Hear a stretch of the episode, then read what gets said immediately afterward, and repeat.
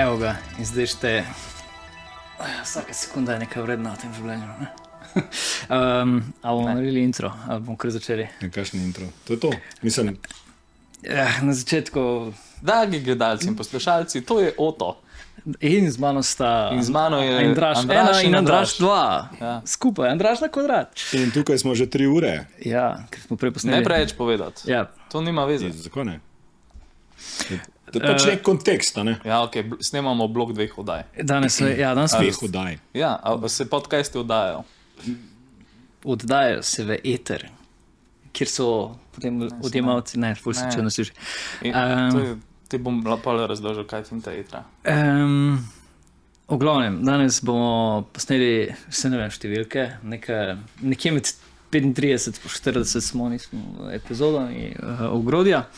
Um, danes uh, sicer delamo snemalni dan, tako da eno epizodo smo že prej posneli. Um, in sicer imamo tu seznam tem, ampak smo rekli, da bomo danes uh, prosto poprešeno, malo bomo freelanceri. Um, in, uh, V bistvu bomo nadaljevali pač tisti zagon. a bi to? Ja, no, tako sem jaz pač razumel. Ne? Ok.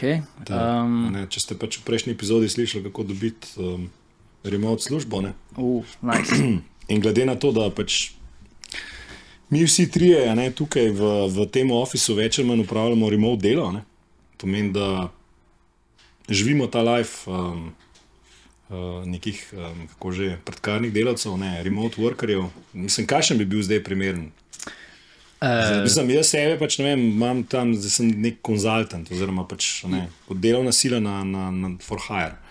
Ja, z- verjetno moramo najprej povedati, da v osnovi smo podjetniki, ker imamo vsak svojo entiteto, podjetje, ne? in, in uh, imamo stranke iz tujine. Verjetno je to. Pa tudi ne iz tujine. Mislim, No, to- ampak, anyways, ampak uh, Stranke ali naročnike? stra, naročniki in stranke. Ja, ne, veš, kot stranka uno pride, gre, a ne? naročnik je pa un, ki pač je verjetno dolgotrajen, pač naroča cel čas. a ne. Recimo, da sta oba primera, ampak predvsem eh, je ena zadeva, ki se reče elementi delovnega razmerja, no, okay? kjer pomeni, da si. Da če si pri nekom dlje časa, kot ne vem, spevec in to potem te morajo zaposliti in podobno. Ne? Zdaj, če si pa remote, pa imaš stranko iz tujine, pa se to malo drugačna igra. Okay? Če delaš za nekoga tri mesece, zato ker imaš pač projekt z njim, Ja. kaj je to pa? Viš, to jaz mislim, da delaš storitev za stranko iz tujine. Je to. Pa imaš pa še druge st- stranke vmes. Ja. Vse dokler jih nisem, če jih imaš. Pač, Podajo storitve. Ja. To je to. Ja, zdaj uh, vprašanje je, kaj, kaj te zanima? Work-life balance, uh, iskanje strank, obdrževanje strank.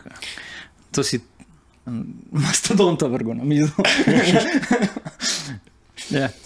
Mislim, danes smo se pogovarjali, pač, um, kaj bi, o, če, o, čem bi, o čem bi govorili. in Zdaj, ne vem, bom jaz tako vaju vprašal. a Ne, zdaj sta, ne vem, Kako poteka življenje- Ne, ja, življenje-. Bom rekel, sem vaju izval, pa sem rekel, no, povejte, vi ste zihar 10 plus let v, v, v takem delovnem razmerju.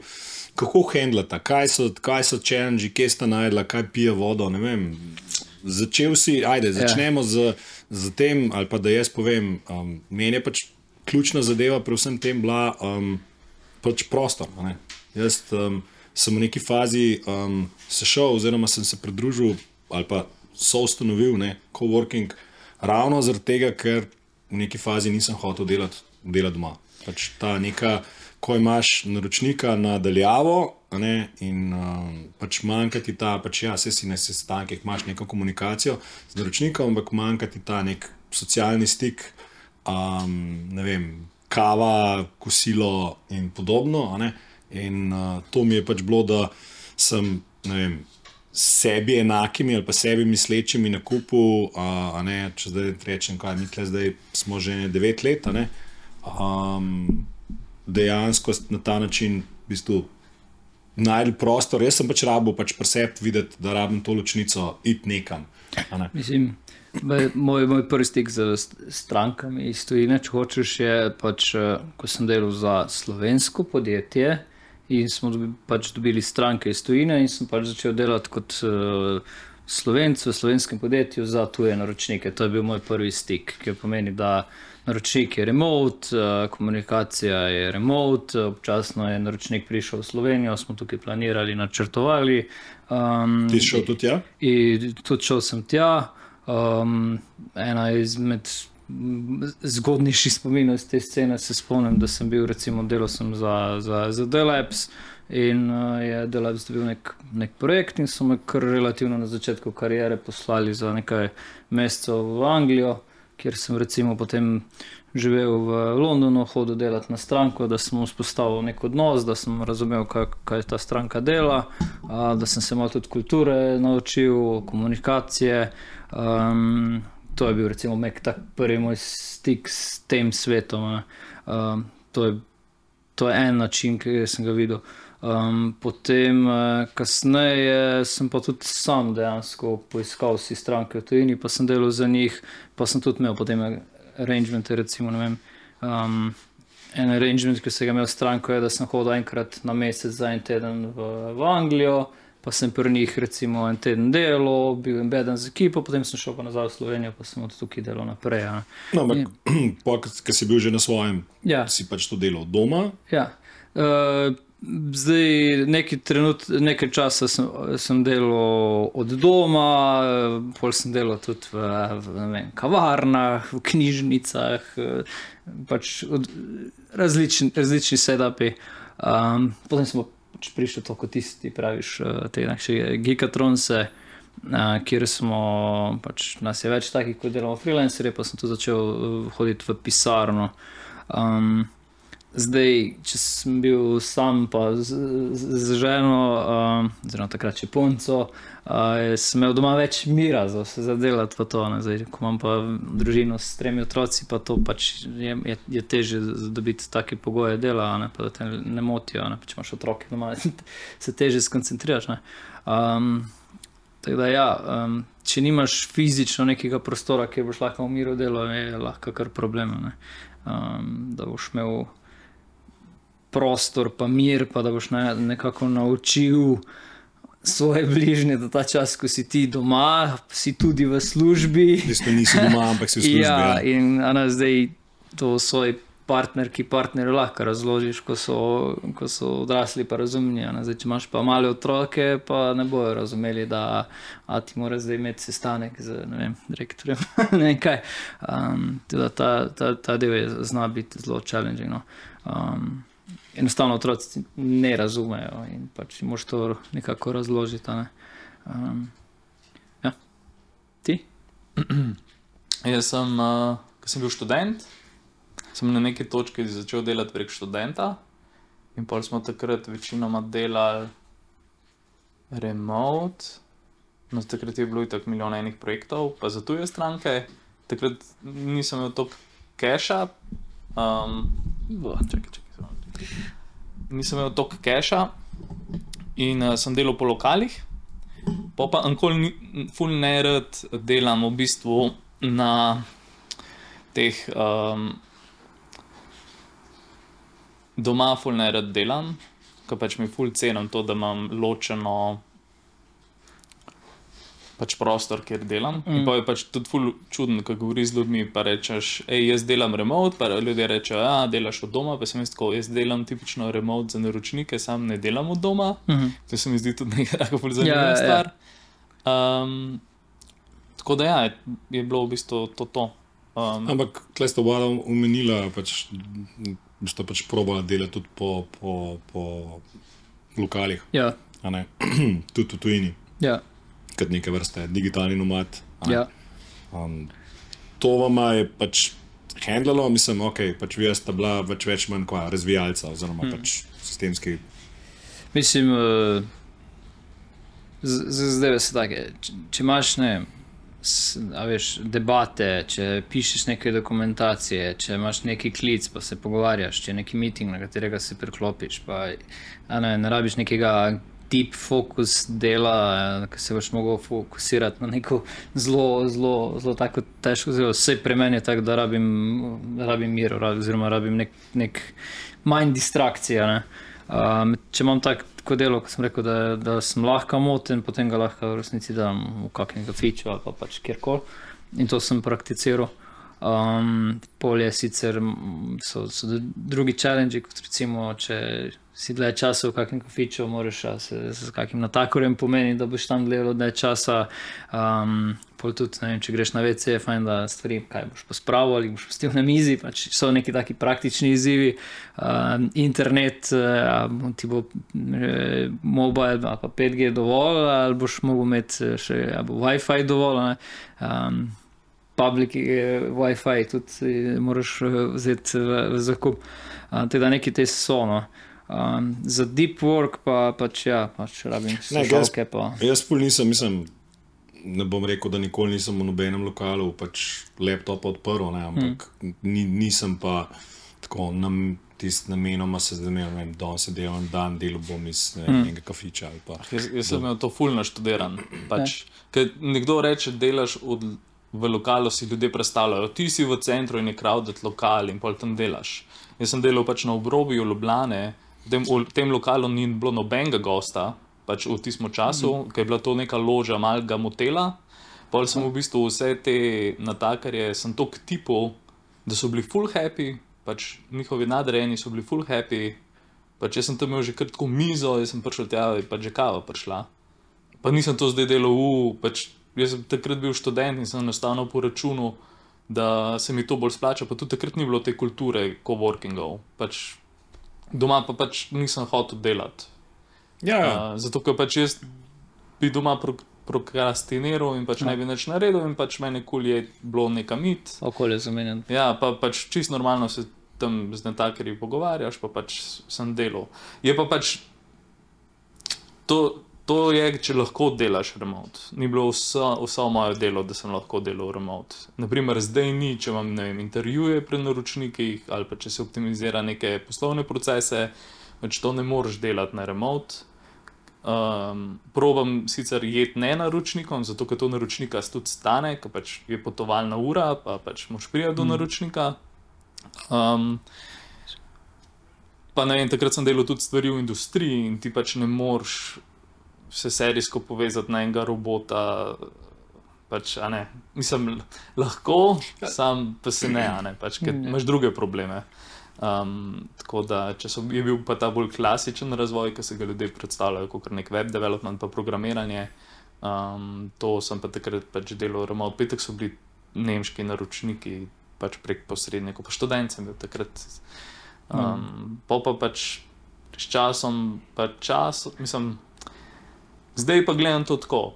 Pač jaz imam SP, pa je pač v bistvu ni čisto podjetje, ampak je, sem posameznik z dejavnostjo, kar ima tudi zelo zabavne implikacije. Ker ti v pogodbi piše, če kršite ta NDA, je kazen taka, pol imaš pač lo, je mal drugače, kot da gre firma v stečaj ali pa greš ti v stečaj, so razlike. Um, In pa zdaj pa v bistvu vse ta kost, ki ga plačujem um, za coworking, je pač kost, ki ga stranka pač plača. Jaz fulj tako gledam.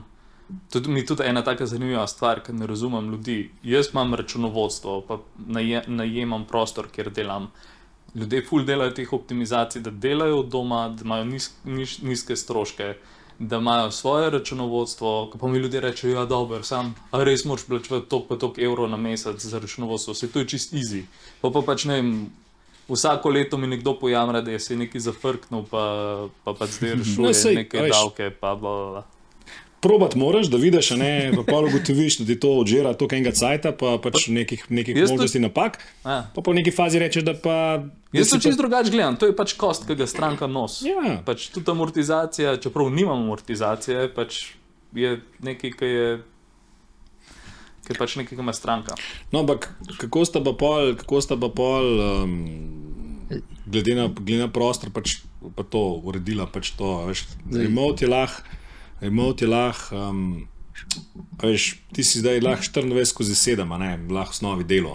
Oh, yeah. Kako zdaj ne, najdeš ta nek balans, da ne vem, boš ti se prilagodil v družini, otrokom, oziroma ko si brez, oziroma ko si bil brez, ne, kako.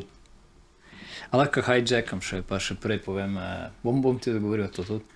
Uh, jaz sem šel, da sem dve izkušnje, full dobro povedati. Ena je sicer relevantna za, za WeWork, če kdo to pozna. Ja. Yeah. Zdaj firma, Ja. ki je šla, Ki je šla v stečaj, ja. ki je šla v bankra, bank, Ja. bankrotirala je ta, ta teden, mislim. Da. Ja. Um, lahko menšamo. To sem. eh, Mislim, pre- da je en dokumentarc, imaš v priliko gledati na Netflixu. Ja, kje. ta Adam, kaj Ja. je kar zanimiv karakter. Um, imam izkušnjo, da sem v Ameriki bil uh, tudi v, v teh WeWork pisarnah, mm. njihovih, pa v, v Londonu.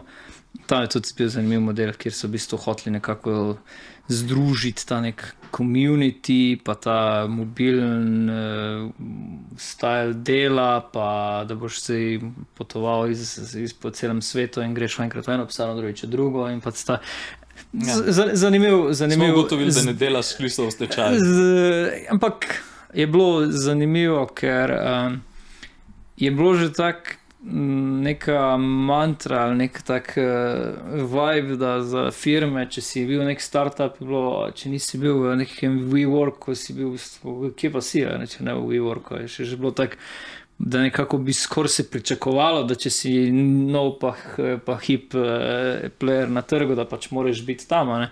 Ker so bili v tem WeWorku tudi taki, ki so pač eh, bile unikorni, pa nastali iz njih. In sem bil tudi v teh WeWorkih, kar je bilo tudi zelo zanimivo. Ne. Tam si imel v bistvu neko kartico in s tisto Ja. kartico si lahko šel je- kamor koliko je pa to prišlo?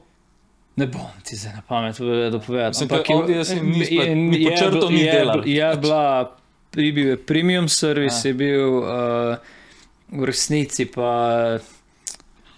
Vse si imel, ok, imel si nekaj, pač predstavljaj si tak plac, ko ga imaš danes v kjerkoli tej sodobni pisarni, imel si phone boote, se pravi, te za neke Skype klice, manjše, imel si tudi te večje pisarne, če si nečem, če si te firme rabila več prostora, so lahko poskalali ti pisarno, pa si lahko dobil malo več Vse, boksa. vse razumem. Prksi, teda. Ful je bilo dobro, sem ni, ne Ja, funkcionira. vej, v- finančno, ne, pa tudi oni so šli, ne, recimo, če primerjamo s tem slovenskim ne, vem, poligonom, ki je bil na nekem Ja. degradiranem območju, pa je, nastal v neki svoji coni. WeWork eh, so bili v kar premium lokaciji. Ja, oni so v bistvu imeli drugačno klientelo teh.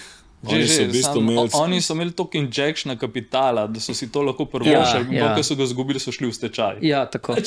Ja, pa, Tako da lahko eh, rečeš, ja, veš, to je ful dobra ideja, to je ta franšiza, imaš to kartico, lahko kol potuješ, so lepi strinjam, se, ko, jaz ti pravim kot, kot user. In ne. kako, mislim, ti bo Ja, kot user ti povem, da v neki točki je pač eh, ta zadeva postala predraga za, za podjetje in smo bolj poiskali alternative. Uh, kot user je bilo pa dobro, ne. v nekem trenutku je v bajti ne vem, bila neka tehnična težava, pa so rekli, jutri pač na mesto to bajto greste pet ulic bajto. naprej, Ja. pa si prišel tam, pa si naprej delal in to je bilo to. Um, pač bili so tudi te neki. Najboljša stvar, meni osebno je bila, da si šel recimo v nek ta mm, na kavo, na pijačo, v, v te neke skupne prostore, pa si tam imel neke ljudi, ki so po- zelo verjetno delali neke podobne stvari kot ti in si lahko malo se pogovarjal z njimi, pa si kakšne ideje izmenjeval. To v začetku ti je ful zanimivo, No, pa vi ugotoviš, da so podobni ljudje. Ampak spet nek- imaš prostor. a ne. To je tudi, a veš, saj na nek način je to tudi fora ne vem, našega ali pa katerega koli drugega coworkinga, je pač ravno to. Ne? Da Pač, pač imaš Ja, nek Ja. ta socialni stik, kjer pač imaš neke ljudi, ki ali delajo podobne zadeve, ali rešujejo podobne zadeve. Mislim, ja, Kar je tudi ful slabo. ja. Zato, ker ti, če si ti v lokalu, kar Ok. okay. neumno se slišiš, ne boš pač spoznal samo iste te monke oziroma duhovnike, ki v kloštru kucajo JavaScript, ampak boš spoznal tudi druge ljudi. Tako da, okay. a veš. Raz, razumem ta del, ampak to je lahko hočem- že distraction. kaj hočem reči, je, da jaz vas gledam tle zdaj že sedem let. Ja. Ja. Pa, ste, pa smo več ali manj skozi isti. Pa si kdaj želim, da, da Ja. srečam še koga drugega. ja, ampak vse menjajo. Šel da tudi virak. Ja. ne, pa, pa dobivamo obiske, je pa ful fajn. Uh, še eno podobno izkušnjo se zdaj spomnim. Uh, Balju, na Balju sem bil tudi v enem coworking uh, prostoru, ki pa je bil, sicer je tudi bila neka, ni bila ravno veriga, imeli so nekaj teh uh, coworkingov, uh, predvsej manjša zadeva, ampak je bilo narejeno iz. Uh, Balje pač eh, na toplem podnebju in si šel delati v, v pisarno. Pisarna je bila pač neka utica, narejena iz bambusa, Uh, in si tam si postavil laptop, in je bilo riževo polje, in si videl tam opice, ko riž kradejo, recimo med, med delom. Um, pa, To rečemo, je fulno pomembno. no, ja, seveda, ampak. Pač, eh, ker jaz tako delam. ja. Ja, no, sej, veš, to, Tebi je bilo, to, mogoče- bil, to, je bil, to je bil moj až tisti, tisti, ne spoznaš v lokalu nekoga drugega. Ja, sej jaz delam. Je, Ja, pa, ja, je pa res, da tudi imaš različne ljudi, ki delajo različne stvari. Jaz sem recimo delal, ker pač imaš upoštevati time zone, ne, in sem delal, ko recimo je, sem lagal do opice, po pa je bila tema, pa sem rabo neko deep work, pa so ljudje šli domov in sem jaz po tistem time zonu pač šele začel konkretno nekaj Ja. delati. Pa sem slišal recimo podgane, ko so laufali gor pa dol po tistim bamusu. Pač, a veš. Torej, imel si pač distrakcije. Ja, imajo si distrakcije, ampak uh, je pa recimo tudi. Mogoče to, kot si rekel, A. pač spoznaš tudi malo drugačen folk, ko pride v, v te. V, v te ane. Če so vem, v WeWorku bili bolj professional about it, mm. so bili v Nabalju bolj, da so bili ti. Če reči lifestyle, entreprenori ali pa ljudje, ki so si lahko privoščili biti na balju, pa so lahko ugotavljali. kaj. Mhm. Ali pa Pač so dejansko ali pa so Ja, dejansko nomadi, ki so vem, exitali ali pa so ne vem, eh, kaj naredili in so imeli cash in so iskali naslednje, kaj bodo delali sami sabo. Tam je bilo tudi zanimivo. No. Uh, tudi ta servis, eh, zajtrki, večerje, ne vem, kaj se delo so imeli. No. To, to so bili nekega kuharja, so povabili, ki je pol deloval in tako. Teda, ja, to tudi. No, to so dve te zgodbice, ki sem hotel deliti z vama, zgolj zato, da postavimo to malo kontekst. eh, Da lahko marsikaj druge delaš, kot tudi samo doma, če že delaš remotne. Um, teda, ja. Kako vam je bilo pa delati med COVID-om? COVID-om si To, delal. to, to, to zdaj, to zdaj Ja. sprašuješ, sprašuješ dva, ki imata otroke. Ja, Ja, mislim, To da ste bil bili doma. ne, Ja, to je bil dosti velik nightmare, ja. še zdaj to ne veš. Jaz nimam otrok, tako da ne. Jaz imam ta PTSD, se spominjam, Ne, kje sem bil. Um, v redu, v redu smo, smo, smo sfurali pač, malo na, na srečo, ker um, so vsi pač, uh, delodajalci, za katere sem takrat delal, oziroma pač naročniki, um, bili dost, ko se temu reče, uvidevni, oziroma so razumeli situacijo, ki je. ne. Um, pa, pa si pač gospodinstvo oziroma družino pač tako urediš, ne, da ne, en starš lahko pač en del gospodinstva prevzame, pa otroke, medtem ko drug v svoji službi in potem se pač vloge zamenjajo. Tako da z malo mal truda se vse da. Ne, pač v mojem primeru je bil ta prednost, da se nisem tako zastiskal v mehkem stanovanju. ne. Um, ker to pa verjamem, da Triki. je pač mal, mal triki. Ja. Jaz ful nimam nekega. Se Um, ne spomniš. Ne, veš kaj. Hočeš pozabiti. Ne, zdaj si me pač ful dal to in zdaj ful razmišljam. Ampak, uh, okay, mogoče so moji otroci takrat, kaj je to bilo, 2019 nekje? 22. Ja, 20, 20 se je v ja. bistvu začelo. Ja, to pomeni, da, Začetek. ja, to pomeni, da sem imel zelo mlad, malega A. otroka in je bila žena doma z otroci. No. In smo to nekako kombinirali. Tako da je bila še porodniški, pa, pa, pa, je- pa, pa smo bili doma. No. Tako da, tako da smo to Sta, malo. sta preživela oba dva. S to smo kombinirali, ja, um, ja, bila smo na enem stanovanju.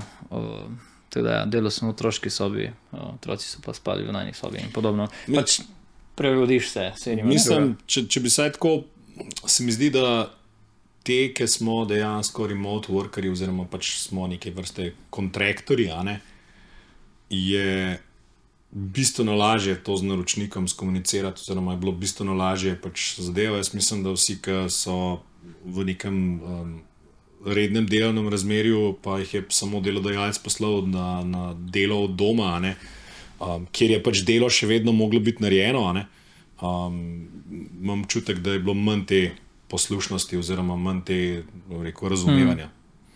Vsaj, kot sem pač imel priliko um, videti. No. No, zadnji se sliši vlak. December je. Um, Božiček se voz. Um, zdaj si me full s tem COVID-om vrgel nekam. Sorry. Nek, nek full, full bad mood, res. Um, Ne vem, verjetno ti, verjetno si imel pa ti pač uno drugo izkušnjo. a ne, Ja. k- k- Mislim, jaz sem pač tako, vsaj kot sem ta nam to našo pisarno dojemal, ne, da pač vsi tisti, ki ste bili brez otroka, ne, je bilo to, mislim, to je bil tako Drugače. awesome time, sploh za ljudi, ki so zelo introvertirani. Tako, no, olej, nikamor ne rabimo iti, tle smo, a veš, doma. Um, ful imamo enega tega cajta, nikamor nas noben ne sili. Mislim, Mogoče od začetka. Ja, verjamem. pri meni je tako. Jaz sem tako tako bil, lahko bil doma, tudi če ne bi bil COVID, a veš, ker sem, sem sem hodil. Meni je bilo sam, jaz sem sam takrat ful začel paziti. Bil je problem, ker ni bilo tako veliko stanovanje, pa takrat smo s punco, se, se, ker sta, ker sta dva, je kar triki.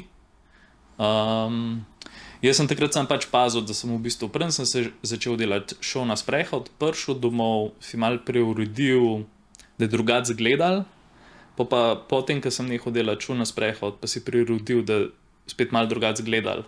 Pač, da sem imel v bistvu. Ja, zgleda, da si spremenil okolje. Ja, ja, ker pač meni to jaz drugače lahko delam ful preveč časa, pa, pa to ni sustainable. Ker to ni kvaliteta, da ti delaš 12 ur na dan. Ja, Ker seveda. 12 ur na dan boš delal 10 delovnih dni, pa boš Ja. pomrl. Mislim, lahko lah zdaj gremo v, to debato. Um, opazil sem, da ko je prišel COVID, sem že pismo skoraj neki deset let delal remote. Pa sem opazil, da ene stvari, ki se meni zdijo samoumevne kot, remote, kot nekomu, ki dela remote, da je pa to, da ljudje, ki so pa zdaj prvič bili v, dani v to pozicijo, da zdaj morajo pa remote delati, so pa bili precej. Um, um, En kup nekih stvari so, so ugotovili, tako, oh, kako bomo to reševali, in izumljali so neko to besedno toplo vodo. Imaš konkreten primer Um, za lažjo predstavo. Ful, ful, ful imamo v glavi enega middle managerja, recimo, ki je rekel: O, zdaj pa vidim, kako vi ful rabite neke informacije, ko sploh nisem vedel, da so pomembne. Zdaj pa sploh razumem, aha, kako to je. Ko pričakujemo od vas, da ste team playerji, pa v resnici nobenega ne vidiš okrog sebe. Mhm. A- a- Ali pa veš, eh, aha, razumem, da je problem, kako vas naj eh, remote uh, engageam, pa vključim v, v ekipo, pa to, ne, da, se, da čudite prepadnost ali pa veš, eh, neke take stvari, ko pač. Za nekoga, kot je on bil, ki je skozi hodil v pisarno, delal pisarno, striktno delal pisarno, se je prvič sploh srečal s tem svetom in pol je videl, kako kak mi delujemo. No. Ja, mislim, jaz sem imel to situacijo, glede na to, da pač sem delal za, za pisarno, kjer um, sem jaz bil, jaz pa še, še dva sodelavca, smo bila remote, vsi ostali so pač bili v pisarni in v bistvu preden. Preden se je COVID um, zgodil, sem jaz pač določ, za kar večino stvari bil dosta v temi. Zato, ker pač, um, če nisem direktno vprašal ali pa zvedel na Ja. yeah. nekih sestankih, so to bile stvari, ki so se več ali manj zgodile na hodnikih oziroma Ja. yeah. na nekih kavah. In sem bil vedno tako no, presenečen, kljub temu, da ne vem, so obstajali ne vem, od nekega sleka pa, pa mailov podobno. Teh stvari tam ni bilo. ne. In ko se je pač COVID zgodil, se je pač so pogruntali, da je to nek način, da zdaj pa morajo pač de deliti podatke oziroma informacije tudi z vsemi nadaljavo. Ne. Ne samo, da so ugotovili, da morajo, ugotovili so vrednost tega, da je, Seveda. da je tam. Ker zdaj so bili ne samo, da. Ne, mislim, imam tudi to izkušnjo, ko je podjetje šlo iz uh, ne remote v remote in potem pač to, kot ti praviš, se decisioni sprejmejo zjutraj ob kavici in, in, in, in pač jih nikjer nikdo, nihče ne zabeleži in pol gotoviš le čez en teden ali nekaj, da so neki decisioni bili sprejeti. ne. Pa so mogoče strateški decisioni, ampak niso logani, ustrezno jih grejo mimo. ne. Um, ja, lahko lahko še gremo nazaj malo v ta work-life balance, zdaj pa da še tisto tvoje vprašanje. Um, da jim malo povej, um, v resnici tvoj dan poteka, predpostavljam, da zelo podobno kot dan vsakega. White collar delavca, se pravi, zjutraj, zjutraj peleš otroke, delaš eh, v v službi, priješ sem in potem greš domov in to je to. Ja, ampak tle, če, Oziroma- Oziroma, če se jaz pač, tukaj smo se pač le že pogovarjali, ne, več ali manj, večino vas ne dela za enega naročnika. Ne. Um, jaz navadno počnem, mislim, kontraktam za, za več naročnikov hkrati, ne, ker predstavlja pa še dolo, določen challenge, kako si zdaj porazdeliti ne, um, zadeve. ja. Tako da jaz sem si pol, ne vem, probo to skomunicirati, ne, da probam, probam z naročniki, da ne vem. Ta, ta dan delam samo za nekoga, se pravi, da nimam tega content switchinga, cel čas, se pravi, neke vrste multitaska, če imaš ti v enem dnevu tri naročnike, ne, um, ti gre ful enega, enega, enega časa, da preklopiš med enim, drugim, ugotoviš, kje si, med tem čakam, časa, mislim, časom čakaš informacijo nekoga drugega iz, iz drugega naročnika. Mislim, to je ta context switching ful preveč zahteven, oziroma ti požre ful preveč časa. ne. Um, in sem, in sem probil, in sem probil pač to, da sem na neki način zdresiral, ne naročnike, da ej, jaz sem za vas na voljo, ne vem, ponedeljek, torek, sreda, četrtek imam nekoga drugega, petek imam uh, spet nekoga drugega. Uh, oziroma, mogoče bomo do petka prišli, sem imel malce drugačen hek. Um, ampak uh, bolje je bilo pol to, ne, kje si zdaj, se pravi, ti si zdaj nekdo, se pravi, strani naročnika, zgledaš kot, hej, mimo tebe zdaj lahko začeli neke taske metati, ne, in ti boš to zdaj um, realiziral, ne, pa po možnosti. Sej v mojem zadevi je bilo vedno vse je bilo urgentno, pa vse je bilo nujno. ne. Eh, To je ful odvisno, kako se.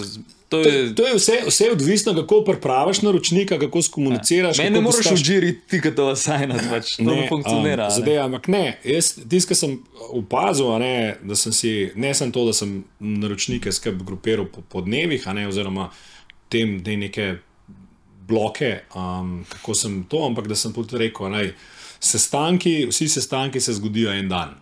In sem pa v bistvu imel dedicated dneve, ki so bili namenjeni samo sestankom. Ne, se pravi, da, ni, da sem lahko imel ostale dneve za pač nek vrste deep work. Tisti, ki sem si jaz lahko vzel 4 ure v kosu in sem vedel, da teh 4 ure v kosu pač meni ne bo uletaval ne, ne neki message na Slacku, ne nekih nujnih klicev.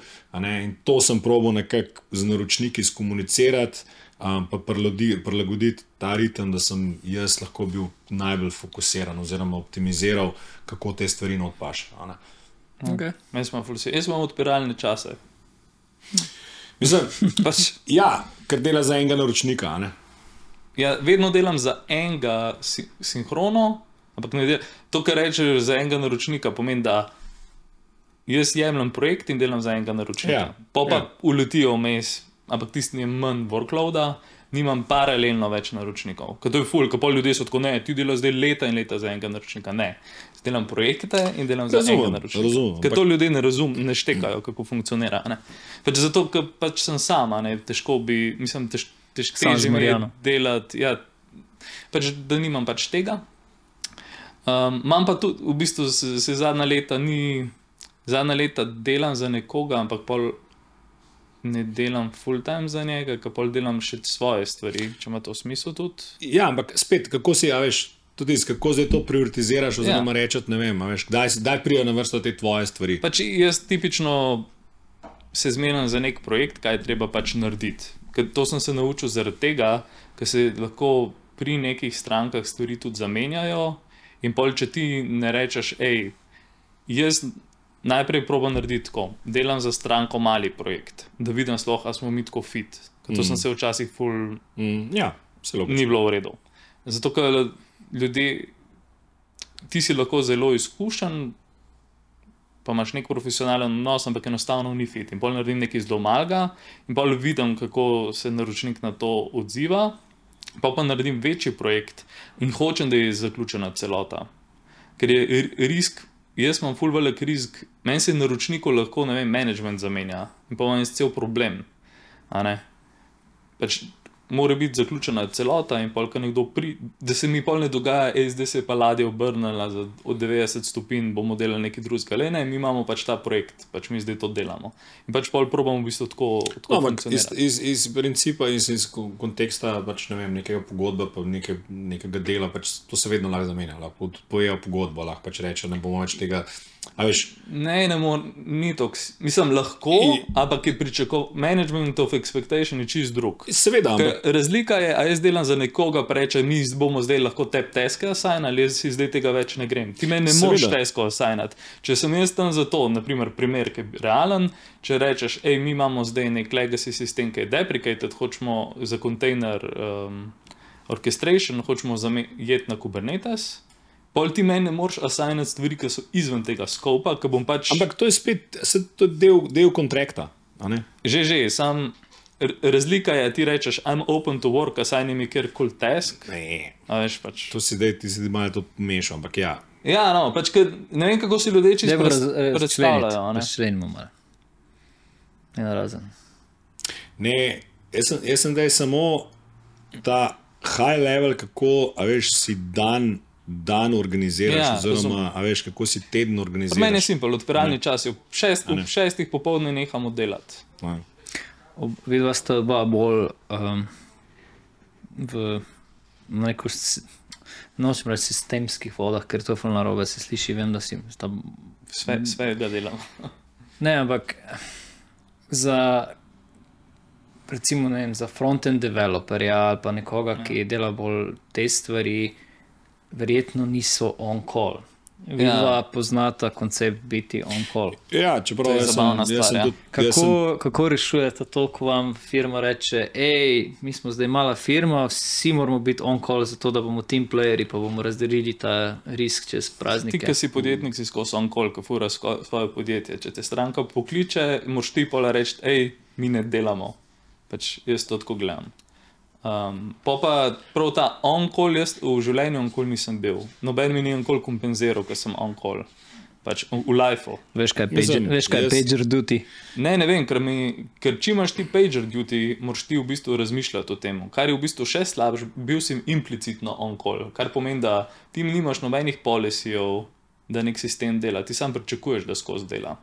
In pol jaz svoje mentorirance pač jih učim v štirih izmenskih uh, sistemih, ljudje razumejo, da ti ne moreš 24-7 pokrivati, če nimaš štirizmenskega dela.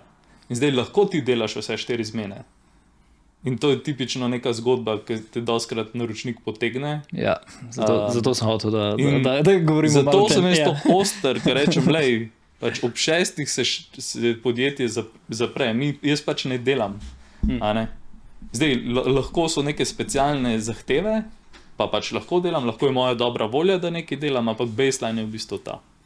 Ne, jaz sem, jaz sem v preteklosti to počel, mislim, kar del svoje kariere sem imel te, ampak navadno je to bilo tudi v pogodbi temu primerno opredeljeno, pač drugačne postavke. Pač, a veš, vse se je pač to pričakovalo in so tudi bili pač te expectationi, da sem pač jaz, ne vem, takrat bil odziven, oziroma ne, se ne nekje v zun zapijal. Ne, in pač vedel, da Šel, lahko- nisi šel v kino, pa A to pomeni, da si šel na metelko z laptopom na hrbtniku? Ne, ne, to pomeni, da sem imel laptop vedno dovolj blizu, a veš, da so pač tudi, a veš, tudi on-call, to ne pomeni, da veš, v naslednjih štirih minutah boš ti to, a veš, neki SLI so, kdaj se morajo pač stvari in pač temu primerno sem se pač, ne, da če je bilo treba vedeti, da ne vem, je bilo nekaj v naslednji uri treba bilo rešiti, a ne, je laptop bil na dosegu dovolj, veš, dovolj blizu, da se je to lahko zgodilo. In sem pač, imel sem, imel sem to neko srečo, ne, ker nek remote. Ne. Jaz sem takrat um, fural v svojem laptopu um, uno, um, UMTS kartico, se pravi uh, 3G in podobno, in sem lahko v bistvu že takrat. Kjerkoli sem bil odprl laptop ne, in pač delal. In za, vem, za določene računike pač je bil tisti račun, ki je pač prišel z mobile data, ker sem jaz bil tu in je pač bil del tega. No. Tako da sem pač probo že to takrat nekako pokompenzirati, pa pač me to računati. Um, zdaj pa iz tega work-life balance ne, pač nočem nikoli biti več na, na tier one ne, in, in, in biti on call, eh, in uh, je to to. ne. A še imaš ti kako vprašanje iz tega segmenta? Zdaj moraš ti povedati, mislim, da moraš še ti ta svoj, ne, svoj. eh, Ne, to je ne, ful- že- Parkrat se mi je že zgodilo, da je pač uh, naročnik prišel do tega, hej, uh, bla, bla, bla, ne vem, prazniki so, zdaj bo verjetno ta epizoda, mogoče malo pred prazniki. Zdajle, Ja. Ja, ampak recimo ljudje se že zdaj pogovarjajo, kdo bo takrat pa takrat nadziral, nadziral, nadziral produkcijo, med prazniki moramo poskrbeti, ne, če si, bog ne da, da si v kakem e-commerce pa še kaj kupuješ. Itak. Pač moraš imeti ta, ta coverage. Ne? In uh, pač večkrat se mi je že zgodilo, da pač je to problem, kdo bo nadziral, kdo bo, kdo monitoriral in pol pač zdaj. Enkrat sem tudi jaz v logiki, moram nekako po, pos, poskrbeti, da je ta coverage narejen, drugič pa sem v logiki, mene prosijo. In pač tako ti praviš. Ne? Ja, da bomo te dali na on oh, halo, uh, tako ti praviš. Uh, najprej, najprej prvi izgovor, mislim, izgovor. Prvi izgovor je, je pač, sorry, tega nimamo v kontraktu, pač, uh, Ja, to, je, to je premium.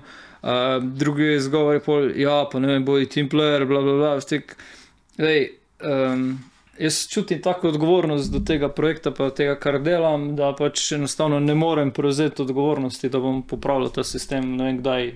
Ga, ne vem, mogoče ne poznam dovolj, uh, veš, to je full odgovorno. Imam otroke, imam družino, ne morem jamčiti, da bo. Mislim, v jaz, redu. sem, jaz sem to rešil, mislim, rešil, da pač imam določene člene v, v pogodbi, ki govori točno za take situacije, ne, Ja. kjer je pač to možno. Tudi če, ni, tudi, Ja. če nisem jaz direktno v, v poziciji, pač to je pač možno me najeti za tudi on-call zadeve, se temu primerno obračunane. Ne, tako da Ja. veš, je to možno, ampak bolj, jaz sem bolj to opazil, da je to nekaj, kar je meni.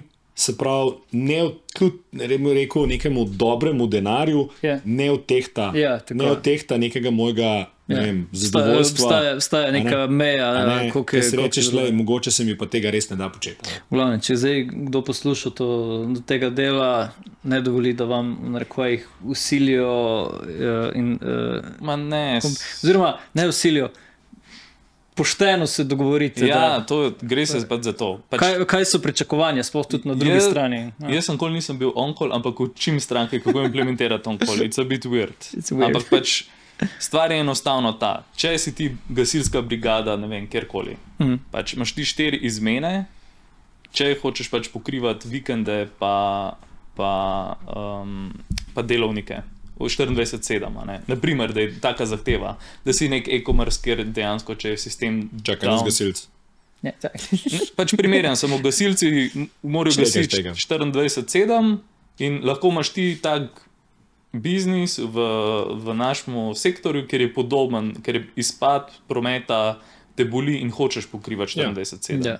In zdaj to ni nekaj, kar je unik za našo industrijo. Ne, ne. Pač to, je, to pomeni Ja. yeah. samo, da če si ti levarna, boš vlival 24-7, ker pač tvoje peči ali pa steklarstvo, pač ti ne moreš v njih peči izklopiti. In ti v bistvu gre se samo za to, da en človek, tipično imam jaz take probleme z naročniki, da njihov, ne vem, sistem ali pa človek, ki je bolj operational, en človek ne more tega delati, ker se mu bo od- odtrgal. In To ne konkretne- pomeni, da je aktiviran vsak dan, vsako Ja. uro. On niti ne more biti v pripravljenosti, ker to ni sustainable.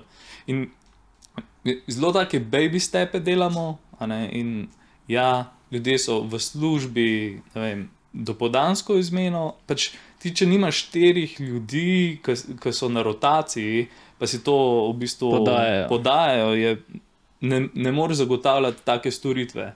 a ne. In zdaj stvari pa ratajo komplicirane. Če si ti glih kar bootstrapan startup, ki ima dv- dva inženirja, pa imaš storitev, Globalen, katere pro, se- ja. globalen produkt. globalen produkt, kar pomeni, da moraš biti v vseh časovnih pasovih Ja, dosegljiv, ja. kako bo zdaj to naredil. To so pa pol te dejanski probleme, ki imaš pogovore s strankami. a ne.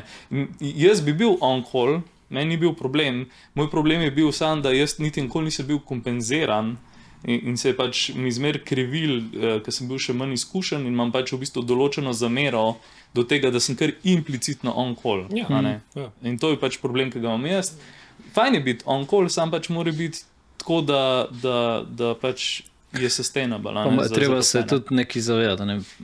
Velikrat sem že videl, da je to. Um, Da ta zadevo delegirajo na kakšne juniorje, začetnike, recimo, tudi to sem že videl. Mhm. uh, in ena zadeva, katero se moramo tudi zavedati, je, kaj se točno pričakuje od tebe, ko si on-call. Ja, pa Če si ti- sploh on-call? Ja, ja pa, če si ti recimo on-call kot neki DevOps, cloud inženir, a, a a, če bo nekaj šlo na robe v nekem Appleju, whatever. Ja. A, a, a, ni nujno, da boš spoznal popraviti, ni nujno, da boš spoznal debugati.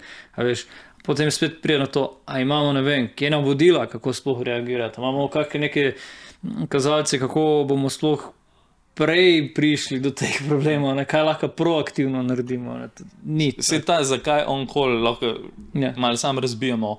Tipično imaš dva razloga, zakaj imeti ljudi on-call. Prvi razlog je, ti imaš pač v bistvu commercial damage, pač biznis trpi in izgubljaš denar, tako direkt ti. Ja.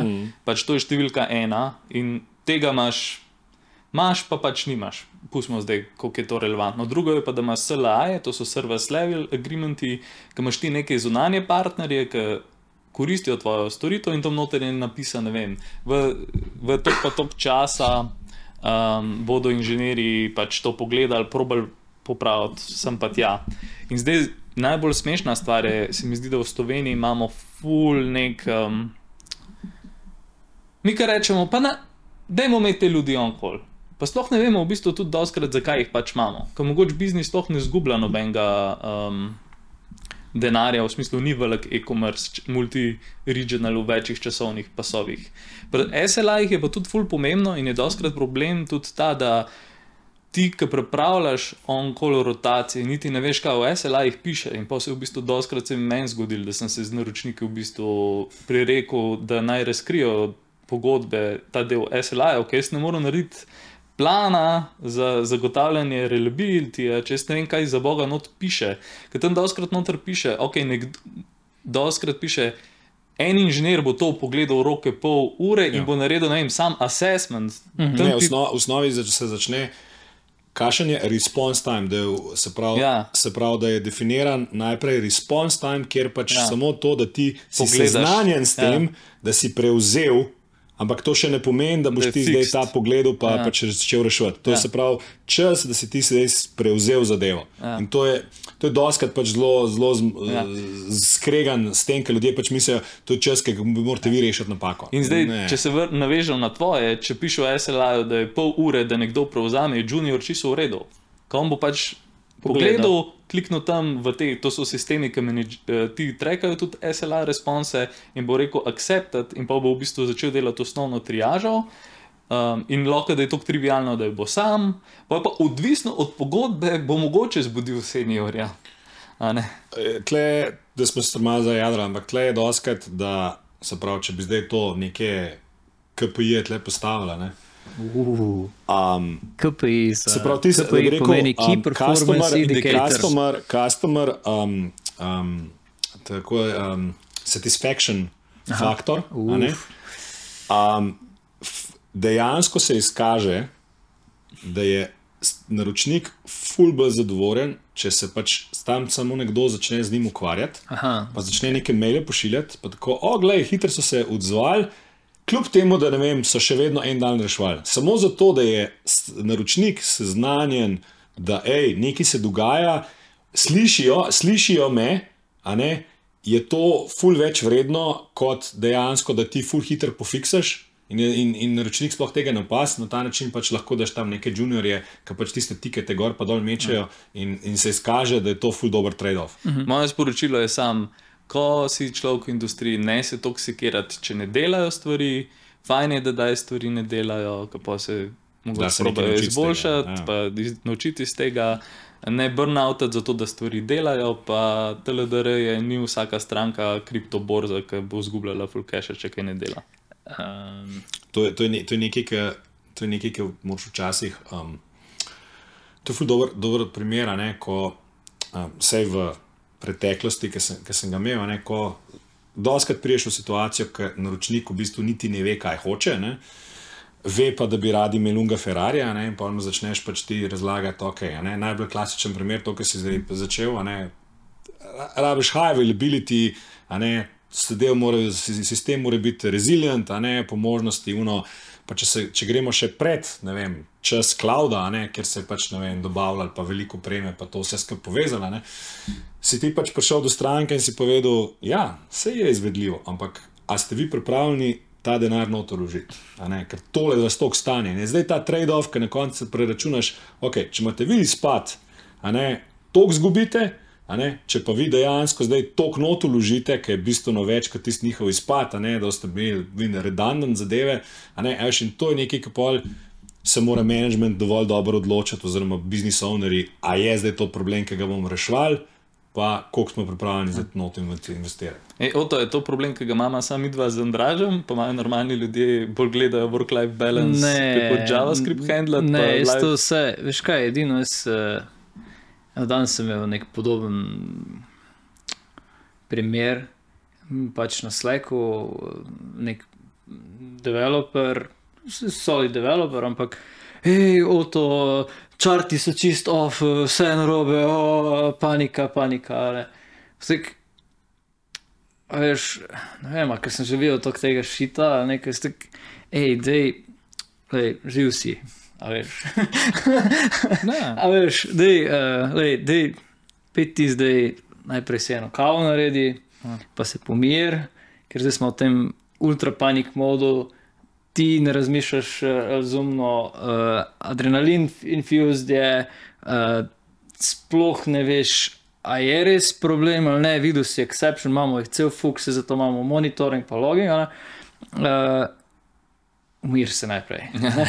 Ne, Prvo vprašanje, če se navežem na vse to, je, kaj je nujno. Ne? Pač, ne vem, nujno je samo, ne, fucking, če se življenje ogrožena, je nujno. a ne. Tako da- U- Umreti pa davke plačati. Um- Umreti pa davke plačati je nujno, ostalo je. je ne. pa ne samo to, ta panika, strah te, te zakrčita in ne, ne, razum, ne razmišljaš eh, razumno. In eh, potem ljudje, če niso bili soočeni s tem, včasih naredijo še huje, kaj. A veš, grejo pa ne vem. Izklopijo nekaj, ali pa grejo, pa ne vem, poskelajo nekaj. Pa Vse gre- rebutajo, ne? Vse, je Ja, klasičen. ne. Ja, ali pa ne vem, rebutajo, pa, zbriš, pa se zginejo, ne vem, logi. ali whatever. In, Ja. in pač ta lahko pride zaradi tega, posebej, če imaš eh, full neko flat strukturo, hitro pride do tega, a stranka je poklicala, šefa, ne dela, panika. Ne, ne moreš takrat reči. Takrat je, je zelo pomembno, da najprej ugotoviš situacijo. Da se pogovoriš s svojimi kolegi, da narediš neko eh, pameten pogovor. Ne. Mogoče v resnici je samo treba stranko nazaj poklicati in reči, da bomo uredili, vemo, kaj je narobe, a ne tako je Andrej rekel. Pač, da, in to vidim, da ljudje ful vedno reagirajo. Um, jaz sem mal, mal, mal, mogoče malo drugačen mm. nek pogled na to. Meni žal smo se veliko s tem, ne vem, alpinizmom, pa nekimi mm. ekstremnimi športi ukvarjali. Pa to, in pač tam pač, to moraš obvladati svoj stres level. Ne, pač, Noben ne bo umrl zaradi tega. Mm. okay, zdaj, če delujete v industrijah, kjer eh, so življenja odvisna, pa se vam to zgodi, ste zafukali že marsikje prej. Um, še večja napaka kot te incidenti so potem, če ne narediš tega triaže, če potem se ne pogovoriš o tem, kako je prišlo do tega incidenta. A veš, a imamo mi ta, s tem rečem, nek safety net, a imamo mi neko varnostno blazino, da bomo ali preprečili te probleme v prihodnje z, z nekim človeškim faktorjem ali pa z ne vem, strojno, programsko opremo, whatever. Ne. Um, in, ne, mogoče se ta exception zgodil zato, ker ne vem, integration testi, ki bi mogli cel produkt testirati, tega case niso pokrili in je pol, smo to odgovorili šele takrat. Ne. Mogoče nimamo, ne vem, staging okolja, mogoče nimamo, ne vem, zadnjih verzij sistema, whatever. Marsikaj lahko. Vem, moj point je ohraniti mirno glavo, nič ni nujno, uh, skomunicirati to uh, in pol naprej. Ne. To tudi vidim, da je.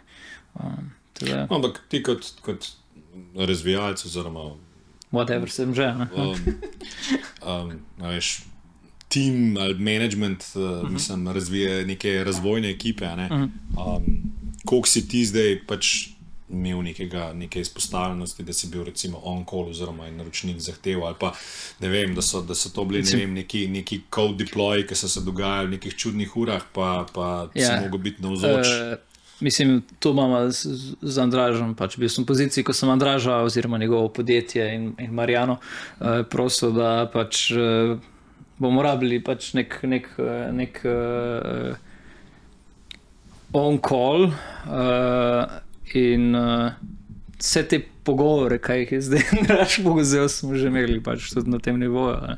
In pač idu developerja in ga prosi, da on-call. Povedati, kaj se pričakuje. Povedati to vsem stakeholderjem, potem je tudi lažje. Ne? Če rečeš, da uh, vemo, da so vem, prazniki, hočemo samo nekoga, da pogleda, če so neki eh, full problemi, ker ne vem, bomo nekaj prodajali ali nadzirali, whatever. Mm, kaj lahko narediš, tole so recimo neki možni failuri, da bo šlo na robe, če bo ne vem, se to zgodilo, tole narediti. Uh, in pol mora biti vse to dokumentirano. Uh, pa tudi uh, simulacija vnaprej tudi pomaga. Recimo, vem, en izmed teh zanimivih problemov je ta Cassandra in te njihovi, ne vem, ali dodajanje diskov, ali pa ko imaš ta neke Tombstone, ali kaj moš brisati. Je nek tak. Ting, ko lahko ga vnaprej predvidiš, če boš imel nek full traffic, bo je pa mogel nekdo to na roke narediti. Ne? In potem pač inženirje, ki bodo takrat on-call, pripraviš, da se bo to mogoče zgodilo, in če se bo to zgodilo, samo tole narediti. In to je to. In potem tisti dan je človek bil plačan za to, da je pač tisti gledal. Um, ne spomnim se. Zdaj, tle, moj, moj subquestion, ja. pokat, s kolikimi naročniki ste delali, ki so bile um, redni uh, disaster recovery drili. NDA. A je drili, a ja, drili, ja, ja. Pravi, uh, ja, vem, to, da, priprave, ja. ja. Da, da, mislim, ampak govor, se pravi, govorim to, ne samo to, da je obstajala pač dokumentacija, ki je govorila, ampak tako, da je bilo, hej, gledaj, danes bomo ugasnili en, en availability zone na VZS, ki je naša pač, um, aplikacija ali pa en data center gre dol ali pa nek link bomo ugasnili, eno bazo bomo dol sesuli in pač to je tako, kot napovedano zadevo, da pač uno, cela ekipa ve, hej, ja. kaj je šlo na robe, kaj smo se naučili. Ali pa ne ve. Ali pa ne ve. Ja. Ej, ne poveš, pa je ja, tipično krveno. Ja. Ponovadi vejo, če si brihte. ne, vse to je pač. Zato, ker Bord mora vedeti. Ja. Mislim, to je tako. Uh, do teh ekstremov nismo, uh, zdaj ne spomnim, strengno. Imam pa zdaj eno stran, kjer v bistvu prakticiramo neke monitoring četrtke. Rečemo. In vsak četrtek uh, naredimo v bistvu pare, pač randomly se po inženirji poparčkamo. In eno uro v četrtek uh, delamo neke take observability slash monitoring vaje ki rečemo, ne vem, tole exception, pač randomno izberemo nek stack trace, ok, kje ne, ne iščemo, kaj je error, oziroma ne kaj je exception, ampak kje se je to zgodilo, a je ta uh, zadeva, ne vem, restartala pod. Ali je, zakaj se je to zgodilo, ali je zmanjkalo, ne vem, memorija, autoscaler ni delal. Pač se pravi, pravimo nekaj te ugotoviti, kako bomo videli, ko se bo naslednjič zgodil ta exception. Uh, in to prakticiramo, in potem naredimo neko analizo. Ok, recimo za ta konkreten servis, vemo, da vem, se scale up, pa, uh, gor pa dol, vemo, da je healthy, ne vemo pa, recimo, a je ko kristartu tega servisa se. To vzamete pač nek exception na random ali to uh, pogledate glede na koliko se ti pojavljajo. Po, poskuš, Poskušam. Prav, to je bil nek, nek exception, ki se največkrat pojavlja. Zelo na random, zato ker tudi uh, sistemi na random failajo. Okay. Uh, in pol na koncu, v tisti uri, uh, je pač timeboxana, se pač z, gremo. Aha, ok, v centri logo, recimo, ne vidim uh, celega URL, uh, URL ali pa peta do servisa, ki se je to zgodilo. Ok, pol se pa ne vem, na, na, na retrospektivi napiše nek tiket, pa se pol to popravi. Uh, pa se potem v retrospektivi ugotovi tudi, kdo je dejansko to odgovoren. Um, in to se je zdaj izkazalo fulover, ker v bistvu polkamo. All over the place in se izkazuje pattern. Aha, ok, ta observability na top levelu ne deluje najboljše. Ne? Pa tudi ta kombinacija, da miksaš ti memberje, uh, pokaže tudi na to, kje imaš silose. Ja, že te opsi, recimo, imajo full dobro knowledge, o, kje so ne vem, neki sistemi postavljeni, pozabijo pa to nekam napisati. Ja, kot da je to full dobro knowledge sharing. Ugotoviš tudi, kje nimaš uh, dokumentiranih stvari, da ugotoviš, da ne vem. Aha, o, šit, le, imamo klaster v, v Aziji, pa so pozabili napisati, uh, kje to je, ki priješ do njega. Nekaj, ne. um, in pol, v bistvu prisiliš ljudi v to, da, da malo vadijo, kaj se bo zgodilo, če bi bilo neka zadeva, infrastrukturo izboljšuješ, observability izboljšuješ. Pač. Um, to vidim, da kar deluje, pa kar prakticiramo zdaj pri tej stranki, pa je kar dober exercise, se pravi, re, redno pač izvajamo te, te kole. Ne? Pa spet ne ukvarjamo se s specifičnimi exceptioni, pa kako ugotoviti, da jih bomo videli, pa mm. preprečiti naprej na no, to, kar deluje. No. Jaz sem lani imel naročnika, ker sem pač disaster recovery pomenil v bistvu um, data center switch. Mm. Tako da, mm. pač Oni so imeli najete data centre, noter so imeli svojo opremo, na- najete um, ser, servis, to se pravi ljudi, ki niso bili njihovi, da so pač to njihove. Da so jim dali diske noter, zato ker zaradi compliance je Ja. yeah. mogla biti njihova oprema, pa dva data centra, isto mesto.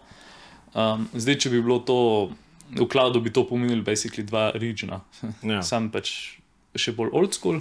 In ja, pač na šest mesecev je bil v bistvu data center switch. Mm. In en izmed mojih zadolžitev je bila tudi določene legacy servise, ki so bili feature complete, kar je tako spet najbrž za nekoga full weird. To se pravi, na njih ni bilo leta in leta razvoja, pač v bistvu tudi uh, modificirati, pa spremenjati tako, da je to tudi bilo podprto. Mm -hmm. Uh, in to je pač pomenilo, to so seveda vsi naprej vedeli mesece, zato ker je bilo treba v bistvu tudi spremeniti programsko opremo, tako da je pač to podpirala in se je pol pač to svičal, sem pa tja. Um, je bilo pa tako, da se v bistvu s časom os- ni neke stvari. Hm, ti imaš to pa to, če je firma stara 40 let, Ja. pol pač. Tudi traja, ne, pač, to je v bistvu. Veliko se je svičal, nekaj se je pa pol v bistvu na tudi pričakovanja, pač v bistvu po tej inženirski hierarhiji je bilo, hej, ok, zdaj vi tega servisa niste čist čez, čez svičnali, ampak a bo to zdaj Ja. yeah. do naslednjih šest mesecev. In tudi je bilo, se pač te stvari so se premikale, zato ker te. Če imaš ti neke real-time stvari, pa so to tradicionalne finančna industrija, pa sem pa tja, je, je to, to je pač bil tako event, ki je pač to vedel. Pač in, Mm. in vsi SVP in VP, in to je, to je firma 2000 inženirjev, samo v diviziji, ki sem jaz z, z, pač z njimi delal. Um, tako da, ja, jaz, jaz sem pač imel to. Sam to je tako. To je Mislim, mala ne- verjetnost, no, da boš to sploh imel. Mislim, jaz sem zdaj imel priliko to z večjimi pač tujimi strankami mm. pač doživeti. Žal v Sloveniji sem to videl več ali manj samo na papirju, oziroma pač tudi s tistimi timi, ki sem v Sloveniji delal, sem uspel uh, f, f, f, stranko pri- pripraviti do tega, da je obstajala pač dokumentacija, nikoli mi pa niso pustili, da pač jaz tam ugasnem nek knof, oziroma za, za, en cel rek ugasnem. Um, tako da, um, ja, mi je kar zanimivo. No. Sam je, to je v bistvu ful. Um, a ni zanimivo, da ljudje. Um, a, veš, a, a ni boljše, da, da se soočiš s tem strahom na nek način? ja, ja. Ja, veš, kaj mi Vem, je. kaj hočeš reči. Boljše je, da, da predvidljivo crkne, kot da Ja, enkrat ja, random. ja. Se vem, da se sliši kot ekstremen šport, ampak to, da ti reko gasneš, ne bi smel biti ekstremen poseg. A, a veš, kaj mislim? Ja, je, razumem, ampak veš, tisti ve- rek, veš- veš, vsaka stvar veš, je kaj je- minljiva. Ultimativno bo crknilo. Kaj je, kaj je tako čist um, najbolj klasičen ta legacy, veš, legacy je spet ena zadeva, katero Ja. lahko pač zaplavamo. ne. Um, če, če, če greš v to ero pred kakršnim koli cloudom, um, vsi te, vse te zadeve, ko si dejansko ugasnil, ne, je bil. Se pravi, full velik riziko, Da se ne bo ne, da se fizično sploh prižgalo. fizično ne bo nazaj prižgal, a ne, oziroma da se Kondenzatorjev, ja. kakšen vrtljiv del več ne bo vrtel. ne. In, in, in, in je bil to, mislim, sej, a veš, če bi to redno počeli, se bi, če, bi, če, bi, če bi se ta zadeva od, od, od štarta, ne vem, imeli neke eh, šestmesečne ne remonte, ampak te. Teste, ker bi se to dogajalo, bi to prej ugotovili. a ne. Ko pa ti imaš infrastrukturo, ki ne, ima tako, ne vem, 3000 dni uptime, a ne, in zdaj jaz se ne upam nadgraditi, ne, zadeve, ker je treba rebutati ali pa ugasniti, to je pač tisti tist problem, ne, k, k, s katerim se tle pač srečaš. ne. Je pa, je pa res, da danes je v bistvu z, z um, cloudi, pa oziroma kako koli lahko rečeš, to pač neko infrastrukturo, ki je pred nekom drugim postala na nek način lažje.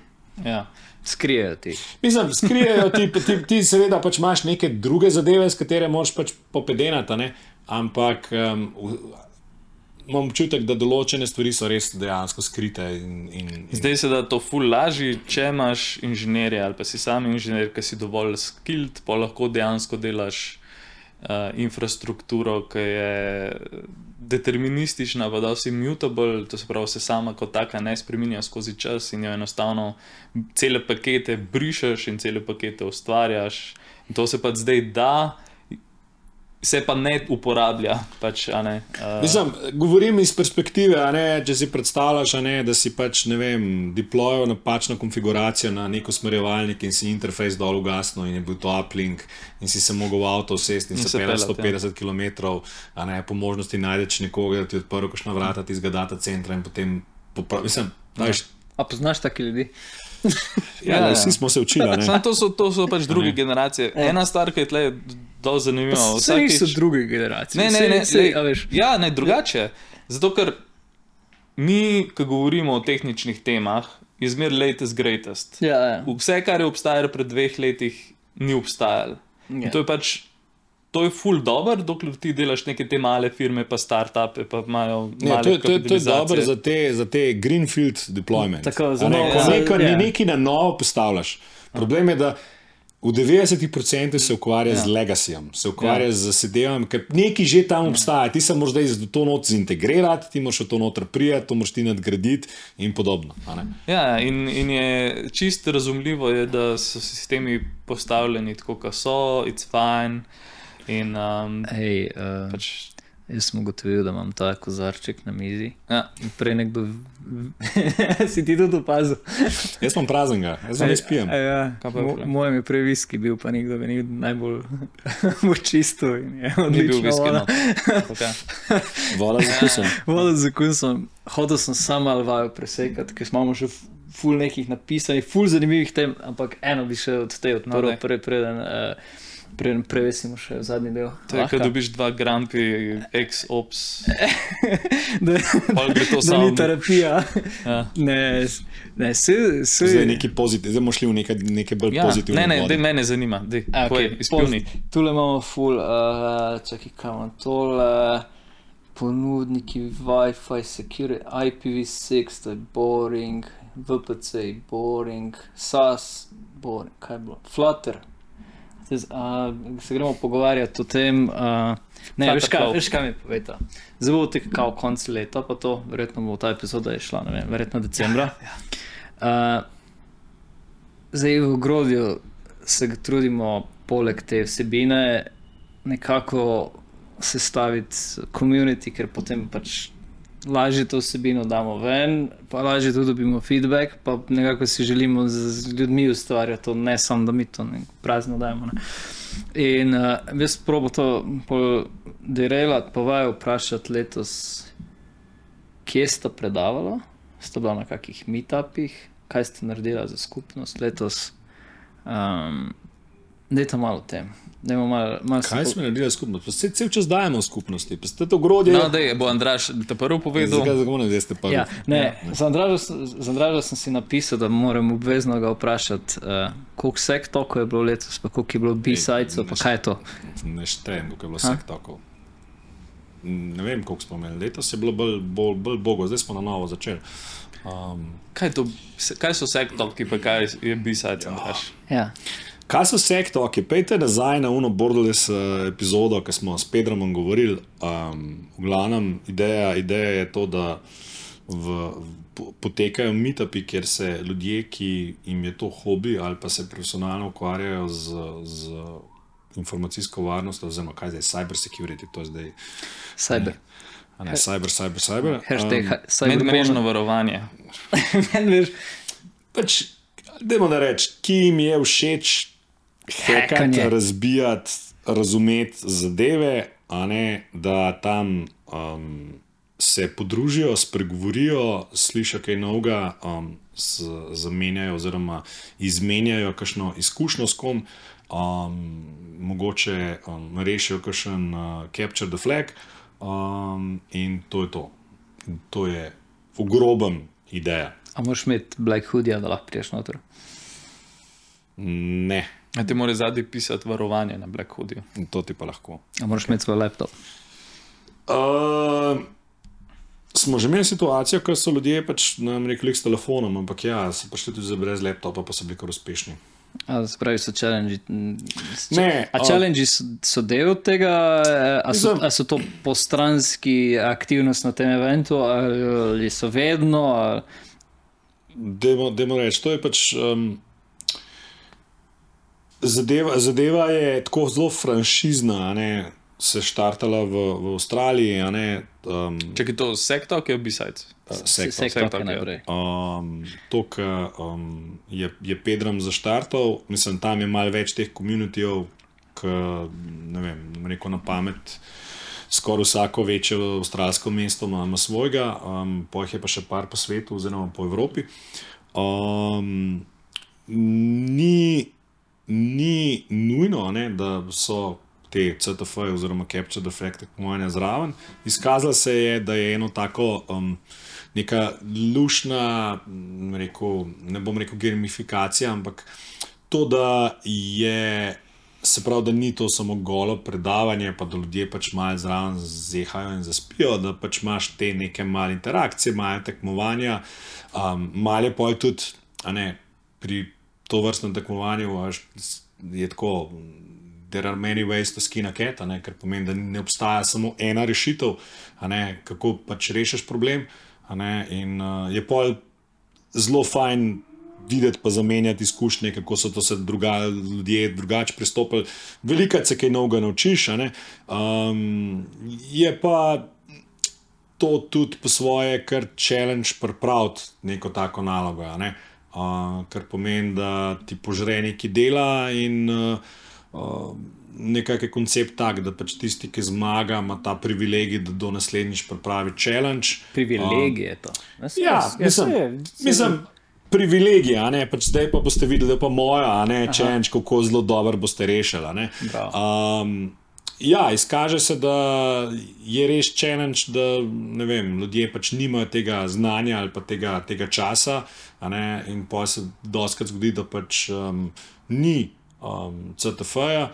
Uh, oziroma se pol, ne vem, uporabi nek CTF iz um, kakšnega drugega um, tekmovanja, oziroma pač kakšnega reuza, kakšno zadevo, pač čist, čist odvisno. No. Um, je pa, smo pa tudi že pač imeli, ne vem, lani polet, tudi ene par sektorov, ko so bili čisto samo ob pivu. Um, A prije, a prije kakšni um, dijaki in študenti v tudi, ja. prvič. Tudi, ja. A prije Um, smo kakšni. imeli- Mm, Smo imeli že tudi nekoga, ki je pač, ne vem, dal pač tok, ko je pač, um, ne vem, mislim, da tam svojega Androida nekaj pohekal. Um, pa je bilo tako, pač njemu se je to fajn zdelo, prvič je to počel, ni vedel po svoje, kaj je počel, pa je hotel to, to deliti. Tako da ja, pač tudi to imaš. a ne. Kaj pa B-sides? To je pa nekaj, ko vsak let načeloma, ne? če ni epidemija. Mislim, koncept, koncept B-sajca, mislim, snovi je, a ne. Najlažje si predstavljati, ko imaš neka, neke te velike, velike um, um, dogodke, oziroma neke velike konference, ki so navadno zelo komercialno usmerjene, bolj kot komercialno, to so pač konference, ker pač jih podpirajo neki veliki vendorji, pa vela, ve, velika kotizacija je, oziroma višja kotizacija je. Um, um, ne na zadnje, tudi, bom rekel, C-level kader. a ne. Um, in navadno pač ta bolj tehničen del ne, se je pač nekako izkazal, oziroma se je pač naredil nek tak franšizni del, da ob teh velikih dogodkih obstajajo tako imenovani B-sides, dogodki, ne, kjer um, se mogoče bolj ta um, community podruži. a ne, In ideja pač B-sides eventa je, da je pač v bistvu community driven. Da, It's besides the bigger event. ja, Ja. tako, a ne. A veš, referenca, ko mi je enkrat odraš rekel, je, da včasih so bile kasete in kasete so bile te taki magnetni traki, so bili v. p- p- To zdaj sami razumemo. To Ja, no- Noben, ki nas posluša, so premladi, da bi vedeli, kaj se se zato poskušam razložiti. Bile so taki magnetni traki v, pla v plastični embalaži in ti traki so, so bili A-side in B-side. Ja, In ko ja, in- mogel to kaseto obrniti, In, in je fora pa takrat bilo, a ne, da ko si ne, a veš, na A-sideu si imel te velike hite, a, ne, ja. a veš, tisto stanke pa pol bil na B-side, B-sideu. a ne. ja. In pa Ljubljana nima A-side, in imamo samo B-sides. Ja, in mi smo tle v Ljubljani takrat začeli, mislim, meni se pač ker sem pač to hodil več ali manj po, po tujini okoli na, na to vrstne dogodke, se mi je zdelo, da pač eh, to v Sloveniji rabimo in potem smo se pač naredili B-sides, ko je pač bil en A-side event in je takoj bil B-side večji, kot je bil A-side in uh, smo pač pogruntali, mogoče pa mi ne rabimo A-side eventa. To je, ne. A ga boš še ti, jaz sem ga hotel vprašati, če, če pridejo ga vprašati, če, bo, če pride Slovenska varnostna obveščevalna agencija, pa ti reče, Andraš, tule smo prišli. pš, a To ne sme po- a boš povedati, Po no. heku. Nismo, nismo mislim, zaenkrat mislim, da tega še nismo um, zasledili. a ne. Um, Ja, se tudi ne bi povedal. ne vem, mislim, da nismo No, na, ampak na eh, radarju. Mislim, da je reči, bil sem že na dogodkih, kjer so bile um, obveščevalne, pač, um, se pravi, secret service v undercover zadevah, tako da pač to se dogaja v tujini, a ne? uh, ampak ne, ne, ne pri nas. ne pa z namenom novačenja varnostnih strokovnjakov. Ja, to je ta v Sloveniji, ta, ta velik trg. Večji problem je, ker ne vem, če imajo kaj ponuditi. Kdo? A ja, ako tako je. Ja. A veš, to je tisto, mislim, dajo ti lahko zelo dober challenge, vprašanje, če ti znajo to kompenzirati. a Ziher Ne? obstaja nek črn, črni fond. A misliš? Vse to dela zaradi challenge. a ne? Ne. Ok, ok. Um, Pa, Pol tiste- pa, pa v grodje bi to delal. še, ne? Tisti, Ja. tist, ki ti ostane od tistih zaplenjenih kriptodenarnic, pa to plah obdržiš. ali kaj? Um, lahko na tem trenutku rečemo, da če ljudi zanima uh, security, real security, pridite na vse toke, pridite na B-sajce. Ja, mislim, boste spoznali s- somišljenike in prijatelje. to je definitivno tip dogodka, ki boste imeli pač zelo hands-on ljudi, ki so bolj, rekel, teh. Tehnično naravnani v, v, v nekih hands-on zadevah, ki so s tem povezane. No. A bomo njemu dali še neko vprašanje glede tega? Njemu. Ja, ti si predaval pa letos na ene, dveh, treh tokih.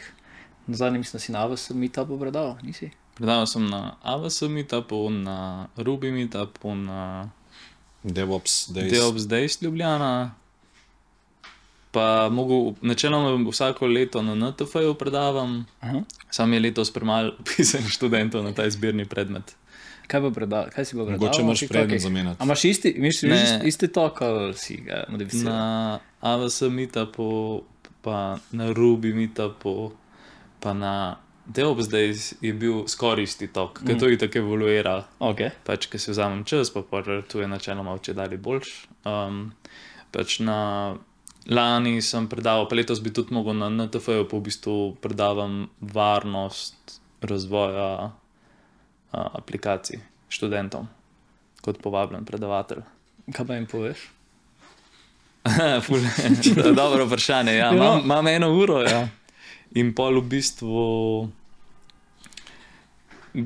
Pač imaš ta OVAS 10, ki so naj, 10 najbolj pogostih ranljivosti v spletnih aplikacijah, in pa se fokusiram samo na tri, tiste, ki so dosti plastične, naprimer en izmed teh je SQL injection. Aha, okay. In pa je v bistvu A to to. še vedno na, na 10, saj, a, ni Ja, že, ja. a, a ni že dol. Ne, ne, spet nazaj. A ja, spet nazaj. Ja, pa ne vem, če je bilo kdaj to, nekaj vem, da je Ja, čudno, da je bil- prišlo nazaj, ampak meni se je spet nazaj, je, je gor. Pač. Um, in um, mislim, se ne vem, kako slovenske novice letos ali pa lani, če si kaj spremljal, ampak smo imeli cel kup. Ja, Se, a veš, to je, bo vedno. a ne. Um, tako da, kaj pol naredim, je v bistvu naredim tako, da je full impactful za njih. Pač imam pol te mime, ne vem, če se spomnite, kaj je avto, pa pa na tablici, drop database, pa, Ja. yeah. pa escape characteri, tako da yeah. si zapolnijo, pa pač tudi razložim jim full plastično, kako, kaj se sploh zgodi, kaj se to zgodi. Tako da je zelo simpel, pa da jim je jasno.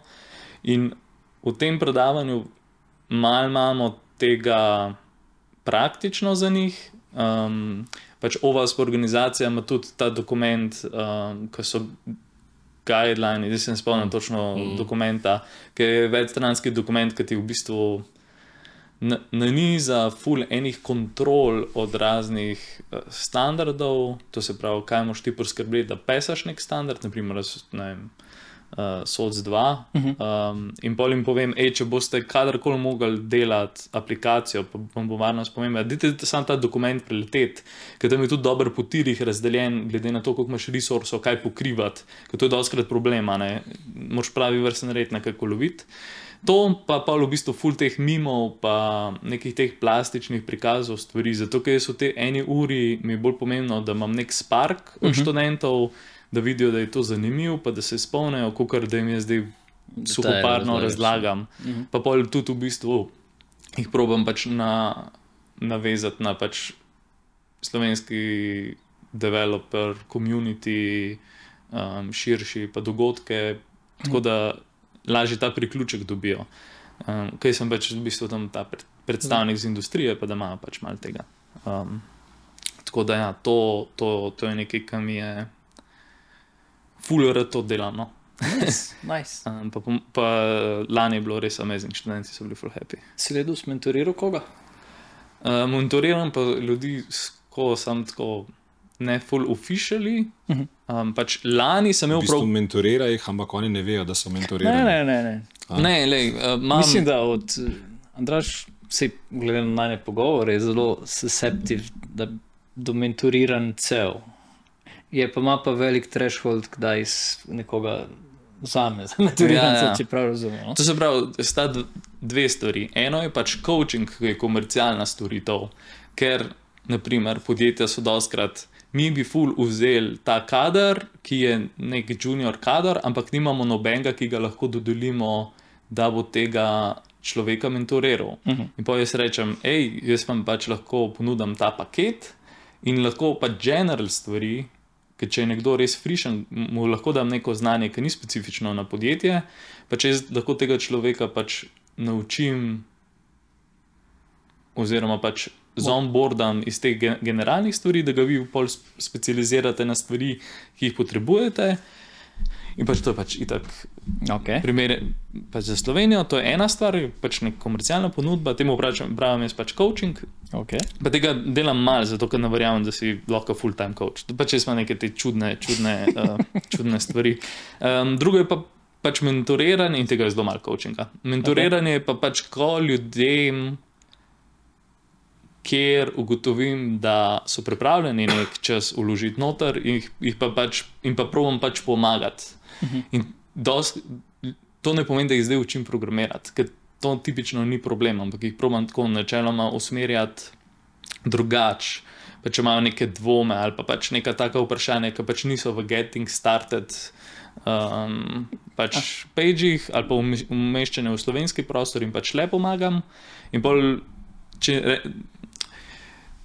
Doskrat so zgodbe od ljudi, ki pridejo do mene, da že nekdo pride do mene, dost fascinantne. Um, in ok, tiste ljudi, dost simpel pač vzeti pod okrilje, tako buda se izraz. Ampak pač si, jaz se dobim sam parkrat. Ja. Pač, ko kar pač rabijo pomoč, z veseljem pač pomagam. Če, pa, če pa nekdo, ki pač nisem čez zihar, um, a ga bom mentoriral, pa je naprimer iz Ljubljane, imam pa ja, pol je pač, jaz pravim temu Ljubljanski grad test, ki pač rečem, da ima se v soboto ob 6. zjutraj dobiti na Ljubljanskem gradu in pol pač, to je bilo tak threshold, ko pač meni je ful tečno zjutraj vstajati, um, sam je tak dober, dobro sito za to. A Pa, Ful je ta karate kit finta.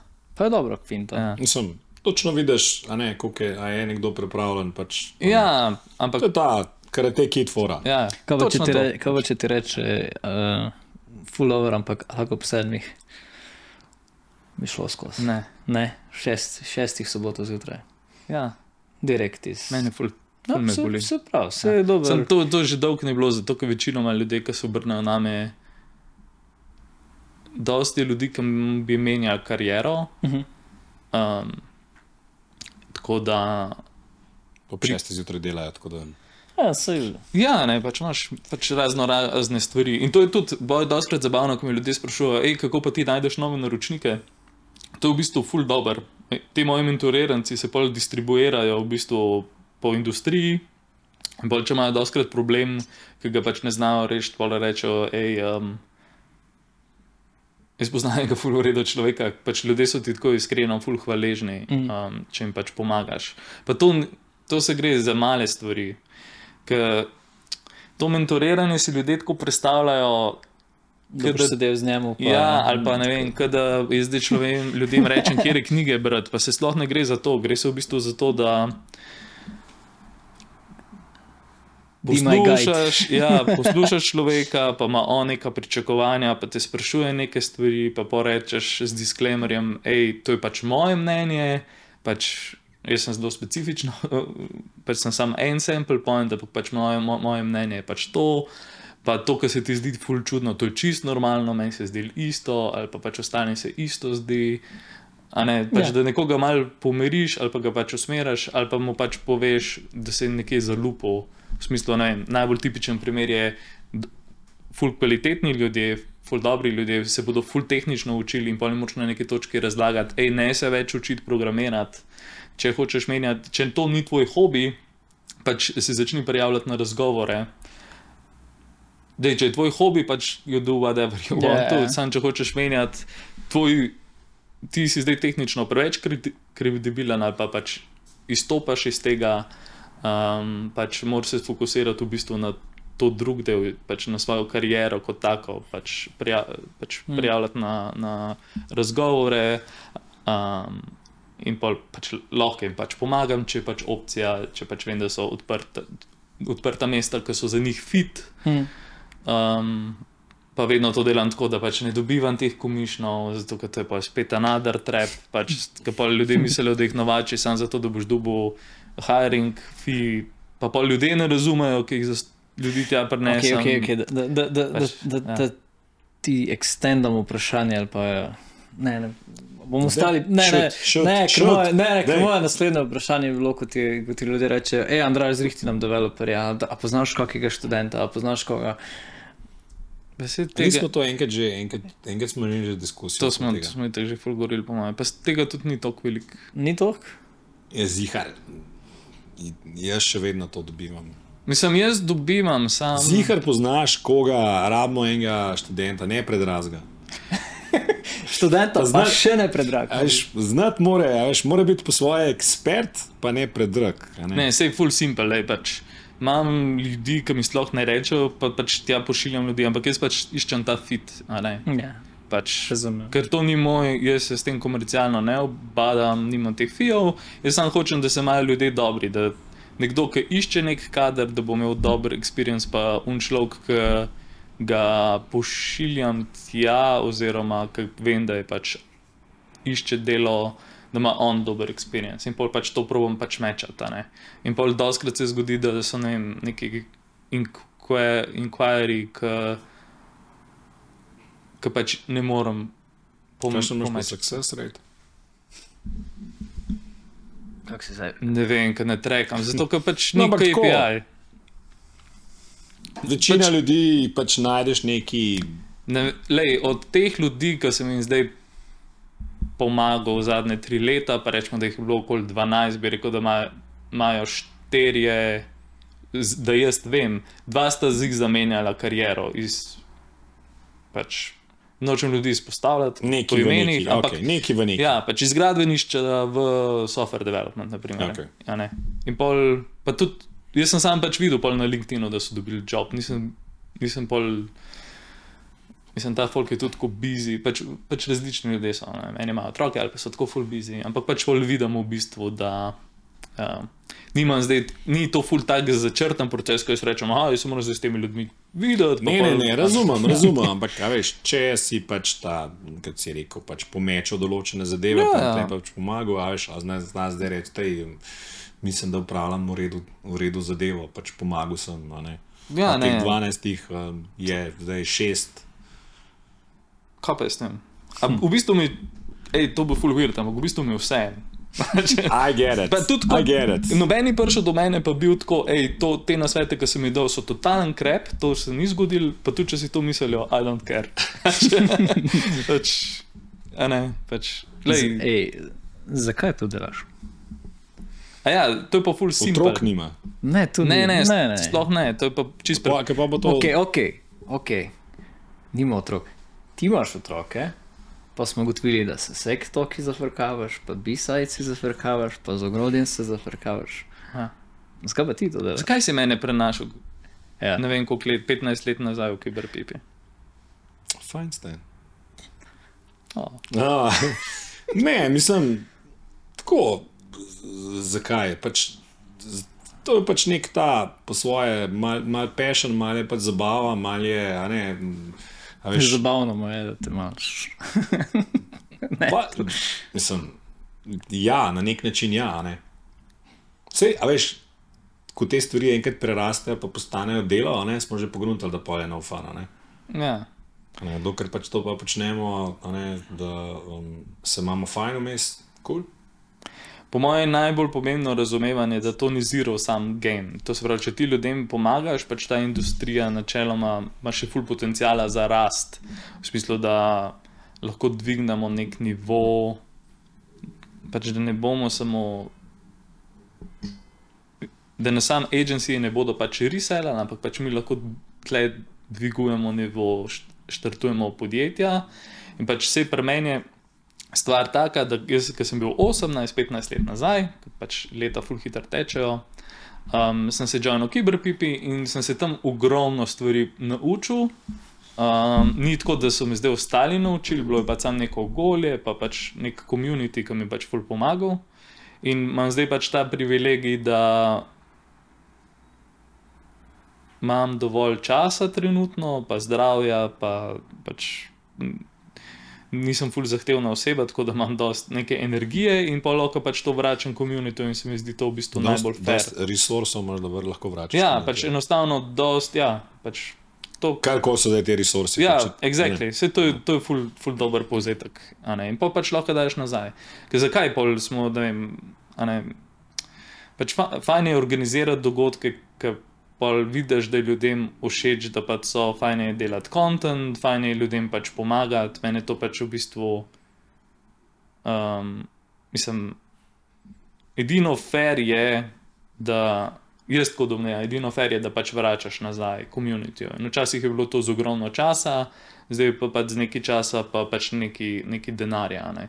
Um, pač to se pravi, da pač re, reinvestiraš pač v komunity. Ker pač, če, če ne bi bilo vas, pač te prejšnje generacije, um, pa se ne zdaj tako v letih, ampak tako izhodišča, kako smo progresirali um, čez ta komunity, um, bi bilo pač ful, ful težje. a Ne? Ja, bi pa kaj drugega počel. Mislim, verjetno si pač tako naravnana, ne, ne mogoče bi kleklo ali pa folklorne plese. Ja, mislim, zig, zig bi kaj drugega počel. No. Sam meni se, men se zdi to ful, jaz se doskrat pač tako vprašam, ne vem, pač ok.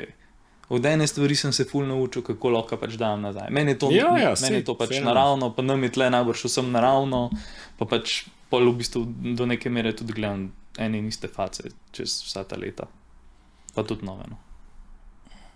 No. Pa da še malo lotata pogrilamo. Ka...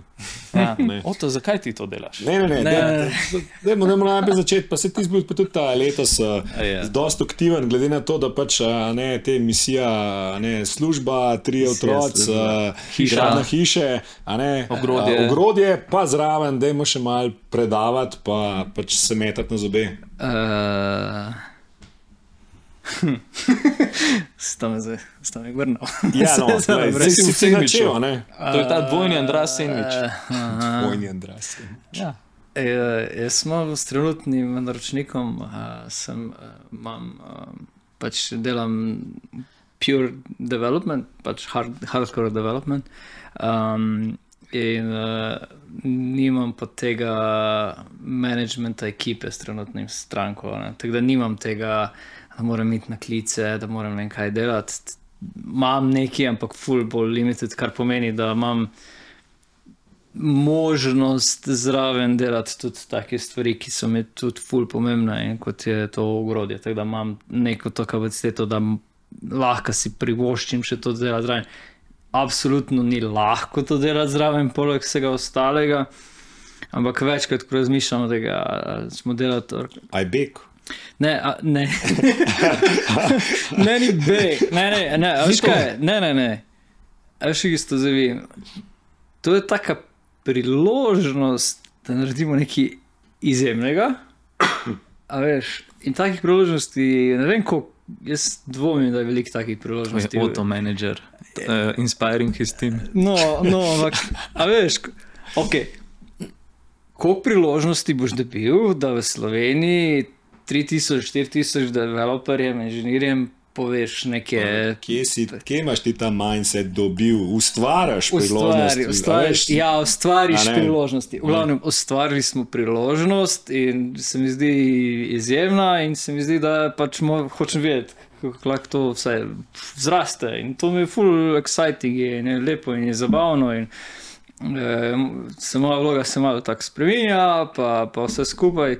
Tudi pač imamo različne poglede, kam naj bi ta zadeva šla, ki jih je treba uskladiti. Potem je treba pač ti več, kar rečeš, da smo slečni konj. Pač ja, ampak v resnici pač se delegirajo stvari, pa se zgodijo.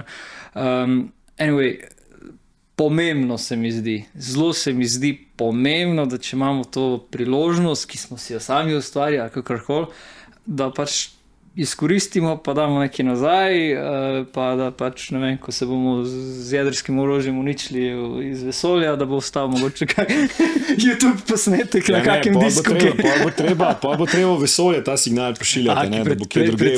V glavnem, pač vidim to platformo, ful se vidi zanimiva, ful lepo raste, feedback je izjemen, to ful dala neko energijo.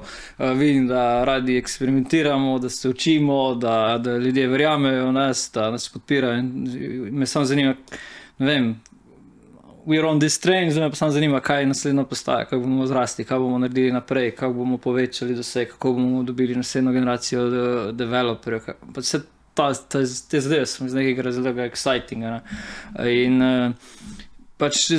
Tako videl sem že pač dlje časa v, v, raznih teh eventih, pa sem organiziral konference, pa meetupe, whatever. Um, in uh, vidim to našo zadevo kot nek upgrade tistih vseh poskusov. Um, na večjem skalu, bolj sodobno, vse skupaj, uh, in pač, ne vem, evolucijsko je pač to naslednji korak, tako da to nekako deluje. To je pomembno, in uh, želim si, da bi zadeva delovala na tak način, da bi bila resilient, tako si ti rekel, mm. če, ano, če jaz eh, zbolim, da vidiš, da gre ta potem na val 202, ali, pa, ali, pa, ali pa pač da imamo ta resilience, da vsak nekako nosi odgovornost, pa, pa benefite, ki pridejo iz tega, če že pridejo. Uh, letos uh, sem predaval v enem predavanju na portugalskem. Uh, skala? Ja, skalo sem predaval na enem portugalskem, na Zio Worldu.